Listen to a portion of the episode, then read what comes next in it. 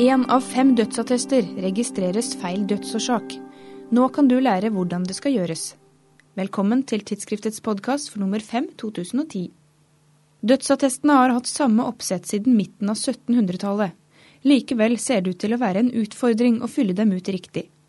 I dag lanserer Legeforeningen et nettkurs i utfylling av dødsattester. Bakgrunnen er arbeidet patolog Cecilie Alfsen og kolleger ved Akershus universitetssykehus har gjort, og som presenteres i en artikkel i tidsskriftet. De har gjort en systematisk gjennomgang av alle dødsattestene ved sykehuset over en åtte månedersperiode i 2008. Av ca. 500 dødsfall ble det funnet feil både i logikk og innhold i mange av dem. Vi fant at eh, mellom en fjerdedel og en femtedel av alle dødsattestene inneholder feil, som gjør at eh, dødsårsaken kan bli registrert feil i eh, dødsårsaksregisteret. Det er to hovedgrupper her som, eh, av feil som vi har oppdaget. De som er virkelig alvorlige, det er de dødsattestene hvor den dødelige sykdommen ikke er nevnt. Det er ca. 5 og så har vi de resterende 15-20% Det er de dødsattestene der det er feil oppsett, helt ulogisk feil stokket, men der elementene, hovedelementene er med. Slik at hvis man har en viss grad av medisinsk kunnskap, så vil man kunne skjønne hvordan det sannsynligvis har gått for seg. I disse tilfellene kan feilen bli rettet opp av ansatte i dødsårsaksregisteret. Men i de alvorlige tilfellene har ikke de som vurderer dødsattesten sjanse til å skjønne at det er feil. Et eksempel er at dødsårsaken oppgis å være hjerteinfarkt, mens journalen viser at pasienten har hatt brystkreft med spredning. Et annet eksempel er jo et eksempel jeg hadde i dag, hvor, eh, som er et eksempel på en som er ulogisk oppbygget, men der alle elementene er med. Og det er en hvor man har satt opp på punkt 1C, altså som grunnliggende sykdom, hjertesvikt. Og så har man på 1B satt opp astma. Og det skjønner man jo at hjertesvikt fører ikke til astma. Og så har man på 1A satt opp myelomatose. Astma fører ikke til myelomatose. Så her er det helt, et helt ulogisk oppsett hvor man bare har tatt sykehistorien, ikke giddet å stokke den, satt den ned, men en erfaren koder på dødsårsaksregisteret vil kunne skjønne hva som egentlig er problemet her, og det er sannsynligvis myelomatosen, for det er føyet til etter myelomatosen at det er en forverring. Den umiddelbare dødsårsaken skal altså stå på punkt 1a. Det som er tilgrunnleggende for den umiddelbare dødsårsaken, skal stå på punkt 1b og c. Feil i dødsattestene som ikke blir rettet opp, fører til feil i dødsårsaksregisteret. Hvor alvorlig dette er, er foreløpig uklart. Alfsen ønsker å finne svaret. Så det vi skal gjøre nå, er at vi skal gå tilbake og se på alt dette materialet eh, som inngår i denne artikkelen fra 2008.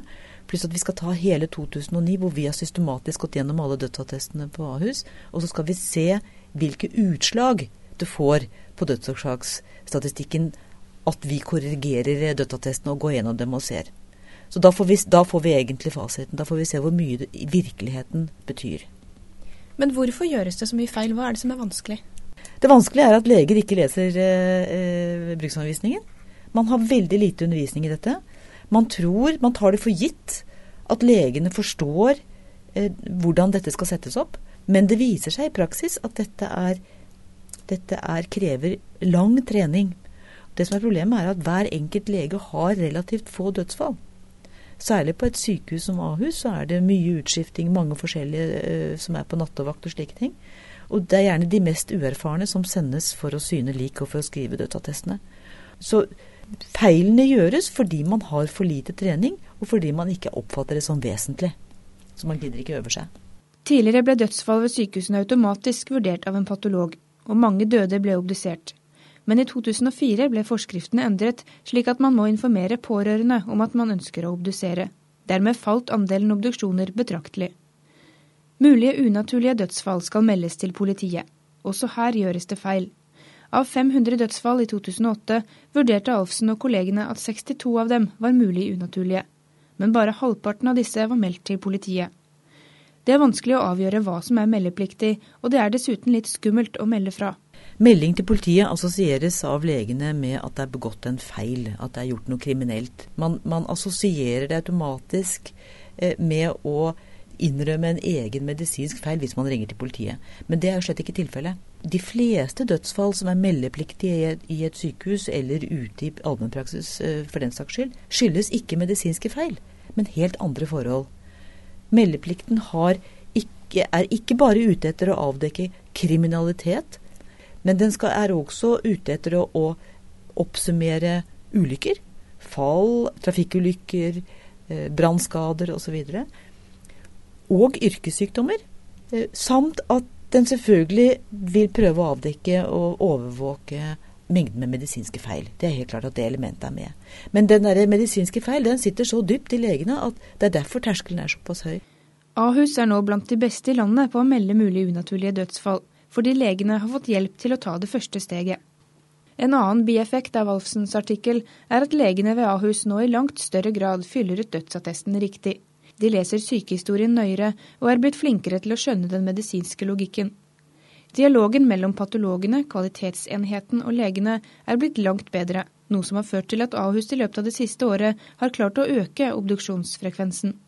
Etter at denne artikkelen ble skrevet, så har vi hatt dette som fast, et fast prosjekt ved at vi går gjennom alle dødsfallene hver dag. Og nå ser vi faktisk at eh, obduksjonstallene også øker. Men det krever kontinuerlig oppfølging? Det krever masse arbeid. Det krever kontinuerlig oppfølging, og det er hele tiden utskifting av leger. Så dette er noe man må holde på med hver eneste dag. Dette behovet satte patologen på ideen til å lage et kurs for alle leger i hele landet. Nå lanseres Legeforeningens nettkurs 'Hvordan fylle ut dødsattester'. Det er et kurs som er i fire deler. Og da går vi både inn på regelverket rundt dødsattestutfylling, hvordan man skal sette det opp. Man får konkrete sykehistorier hvor man skal øve seg i del tre så får man presentert en del feilutfylte dødsattester. Som aper etter den situasjonen jeg er i når jeg går gjennom dødsattestene hver morgen. Og da skal man øve seg i å finne feil. Og så, i den siste delen, så tar vi også og stiller noen spørsmål rundt obduksjonslovgivningen. Eh, fordi vi jo håper at man også skal få opp den prosenten litt. Og Hvem er dette kurset for? Dette kurset er for alle leger som fyller dødsattester. Det er ikke for patologer. Men det er først og fremst for de som kjører legevakt, og det er for de som jobber i sykehus. Altså Det er for alle leger som, kan, som hyppig står i den situasjonen at de skal fylle ut dødsattester. Det er ikke noe undervisningsmateriale på dette for eh, medisinstudentene. Så vi håper at dette skal bli et kurs som medisinstudentene i 12, 11. og 12. semester må gjennom før de går ut i praksis. Eh, her på Ahus har vi forhåpninger om at vi skal koble det opp som en, et pliktkurs man må igjennom før man begynner å jobbe her. Eh, så vi kommer til å eh, prøve å kunngjøre dette kurset så vidt som mulig, og deriblant til Det medisinske fakultet og til de enkelte sykehusene rundt omkring i landet. Nettkurset finner du på legeforeningen.no lupin. Artikkelen til Cecilie Alfsen og kollegene finner du i tidsskriftet nummer fem på nett og papir, Neste podkast kommer torsdag 25. mars.